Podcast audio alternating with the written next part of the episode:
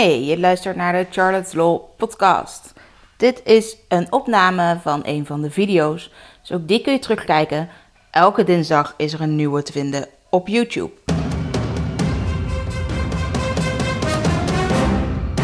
Charlotte, de privacyjurist van Nederland. Ik zit hier weer met Mariko van Sell Your Stuff Online. En zij is fantastisch in nieuwsbrieven. Daar heeft ze ook een cursus voor. Ehm, ik heb nou, bijna 2000 subscribers op de inschrijvers voor de nieuwsbrief. Ehm, dus ik ga bij Mailchimp weg en ik ga naar een ander mailsysteem. Ehm, ik verstuur ze wel en iedereen zit er wel op te wachten. Maar conversie, dat is nog wel een beetje een dingetje. Ik weet wel dat je een goede titel moet hebben. Ik weet dat je teksten goed moeten zijn.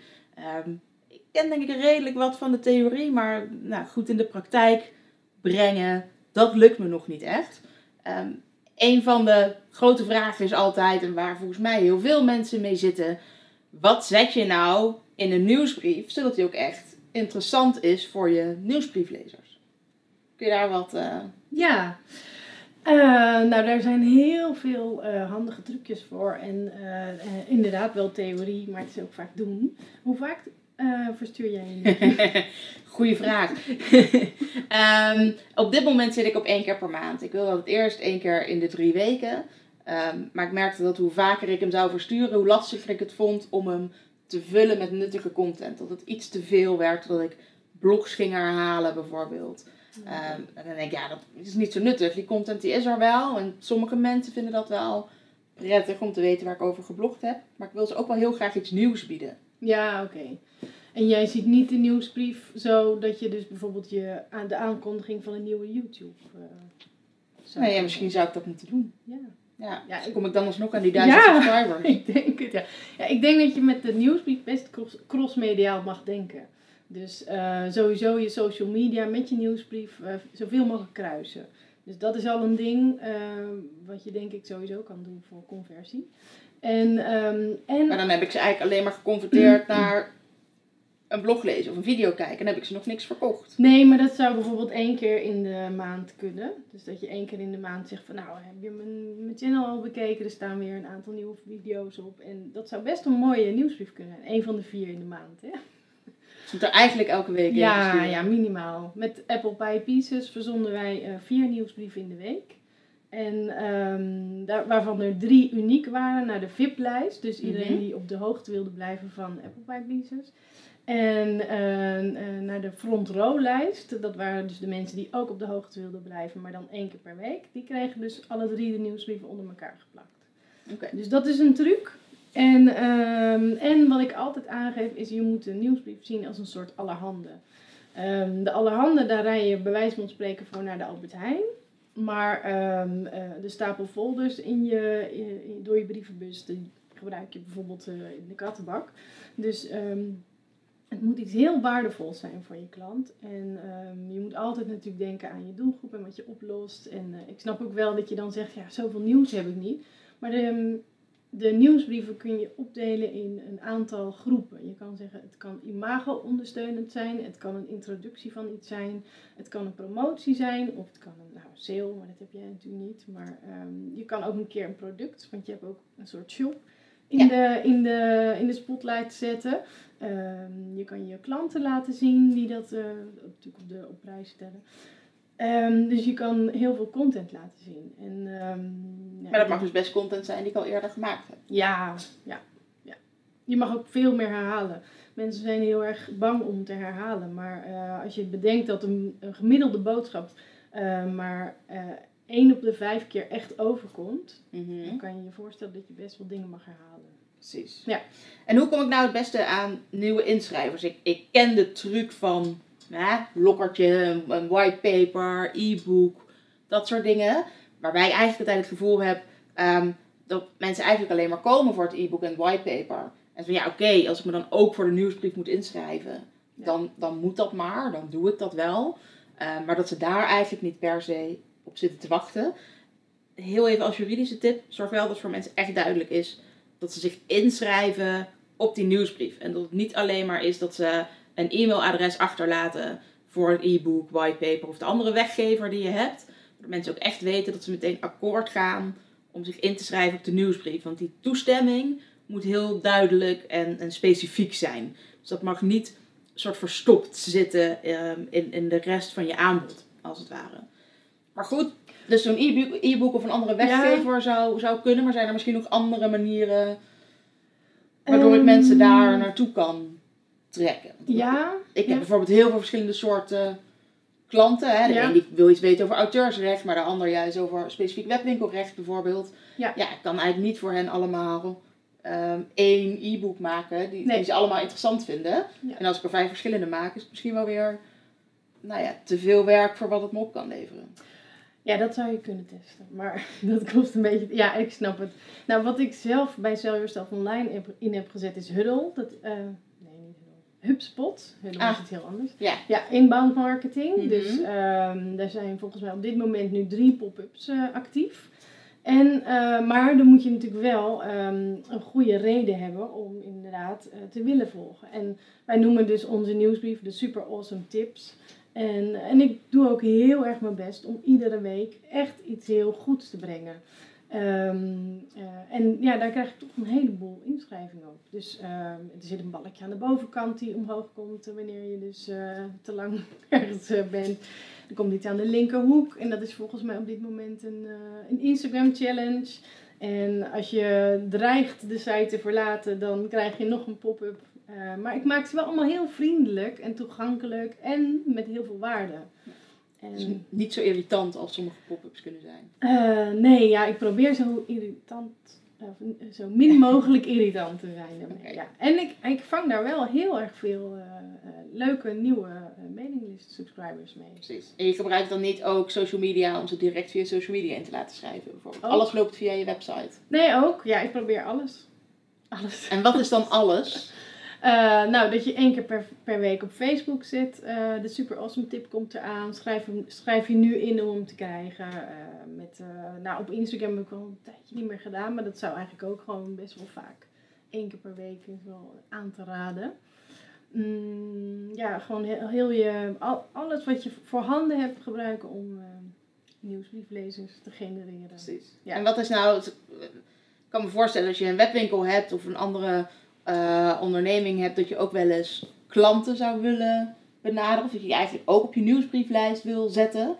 Wat in principe ook wel kan hoor. Het is niet per definitie ehm, spam. Je mag mensen die klant van jou zijn ehm, een nieuwsbrief sturen als dat relevant is. Of als dat eh, klopt zeg maar met wat ze al een keer bij je hebben afgenomen. Ik denk dat je wel altijd een beetje op moet letten dat dat niet onverwacht is. Nee, Als mensen opeens op die nieuwsbrieflijst staan, Ja. kan dat heel vervelend zijn. En hoezo sta ik op deze nieuwsbrieflijst? Ja. Ik merk in elk geval dat ik dat zelf heel vervelend vind. Dat ik soms wel eens nieuwsbrieven krijg waarvan ik geen idee heb hoe ik op die lijst terecht ben gekomen. ja, Eh, dat ik misschien wel of niet contact heb gehad met een bedrijf. Of ik denk, ja, ik heb één keer wat bij je gekocht. Maar nu krijg ik telkens die nieuwsbrief. Dus ik Natuurlijk. eigenlijk niet zo op te wachten. Ja.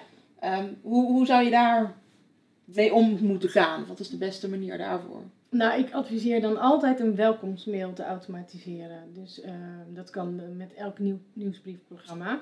Eh, wij gebruiken wel nog steeds Mailchimp. En ehm, daarmee kan je een automatische nieuwsbrief eh, eh, neerzetten. Dus op het moment dat je dan de klantenlijst wordt dan gevuld, aangevuld met nieuwe klanten. En daar gaat dan meteen een welkomstmail naar met... Leuk eh, dat je bij ons wat hebt gekocht. Ehm, en dan ook meteen alle social media kanalen eronder. Van je kan ons ook hier volgen. En voortaan krijg je van ons eh, mail eh, en een hele goede opt-out. Dus dat je eruit kan zodra je mail. Ja, En stel nou dat ze die opt-out hebben gebruikt, mail je ze dan nooit meer? nee. Dan lijkt het ook zitten, want dan willen ze niet. Nee, dat willen ze niet. Nee, nee ja, ik, in het verleden hebben we wel mailtjes gedaan van, nou, bijvoorbeeld eh, dat je het nog een keer achteraan mailt van, nou, je bent nu uitgeschreven, gaat trouwens automatisch met mailtjes. Ja. Hè? Eh, maar dan zou ik het ook helemaal laten rusten. Precies. Ja. En als je bijvoorbeeld merkt dat klanten eh, ooit wel eens iets gekocht hebben en nou, ze ontvangen gewoon nog steeds je nieuwsbrief, dan zou ik denken, dan zijn ze kennelijk nog wel geïnteresseerd. Maar ze hebben al niks meer gekocht. Al een maand niet, langer niet. Ja, Stuur je daar dan nog een keer iets extra achteraan? Of zeg je dan nou, dan vertrouw ik op dat mijn nieuwsbrief ooit wel ja. zal helpen? Ja, nee, ik zou zeker al om de zoveel maanden eens kijken van oké, hoeveel... eh, bij web, webwinkeliers is dat heel erg leuk en handig. Eh, want je wil natuurlijk je, je eerste verkoop, dat eh, degene die dat gedaan heeft, dat, dat dus een wederverkoop, of hoe noem je dat? Nee, dat noem je niet zo. een terugkerende klant wordt. Ja, En ehm, nou, dat zou ik zoveel mogelijk stimuleren. Precies. Maar wel ook weer op een hele toegankelijke, aardige manier. Ja.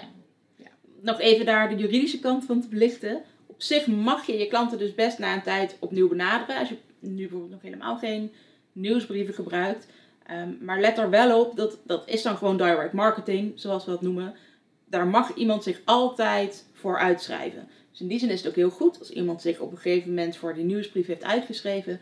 Dat je eigenlijk ook niet daarna alsnog een keer een soort salesmail eh de deur uit doet naar die persoon. Hè, ook al is het een klant geweest, ja, als zij zeggen ik wil gewoon niet meer benaderd worden, dan moet je dat respecteren. Dan kan het best zijn dat je die gegevens nog steeds moet bewaren voor allerlei andere doeleinden, maar dan moeten ze wel je maillijst uit. Ja, dus en, eh, ik, ik werk ook met heel veel verschillende lijsten en groepen, zodat dat heel goed... eh, En hoe zorg ik nou dat eh, mijn nieuwsbrief ook in die zin converteert dat ik, dat ik iets verkocht krijg? Of, moet ik, of is eigenlijk een nieuwsbrief alleen maar iets extra's om nog een keer onder de aandacht te komen? En, Nou, ehm, in, wat ik heel vaak hoor is dat mensen zeggen: ja, maar ik, het kost mij zoveel tijd een nieuwsbrief maken. Ja. Maar dat komt omdat ze alles in die nieuwsbrief kwijt willen. Terwijl een nieuwsbrief hoeft eigenlijk maar één goede hoofdboodschap te hebben. Ehm, en het moet één ehm, beeldend iets zijn met één knop en, en een paar zinnetjes tekst. En dat is eigenlijk al genoeg voor een nieuwsbrief. precies. Dus het moet eigenlijk meer de receptenkaart zijn bij Albert Heijn dan misschien de volledige allerhande. Ja, ja, ja. Ik zou Om, echt... om maar even die... Ja. eh, Ja, ja, nou ja, wat, wat de meest converterende layout is, volgens mij, dat, tenminste zoals we dat natuurlijk ook veel hebben getest met klanten en zelf, is eh, gewoon één beeld, een hoofdbeeld met een eh, call to action erin. Dus een soort, eh, ja, dat je daar toch een soort fake knop in zet Ja. en dat dat beeld meteen ook linkt naar bijvoorbeeld je actie of iets, of je artikel. En daaronder een paar zinnetjes tekst. Dan misschien nog twee beeldjes met ehm, wat de vorige keer gecommuniceerd is. En dat was het. Meer Ja. niet.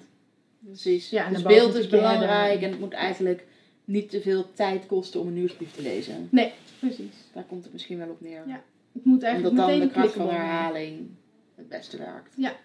Ja. Oké. Dus eh, je hoeft Nou. helemaal geen lappe tekst te schrijven of, of verschillende dingen te bedenken. Het is niet een nieuwsbrief zoals vroeger. Nee, Het is gewoon veel sneller. Ja. Het is gewoon, ja. snackable content. Ja. Ja. En ook herkenbaar, hè?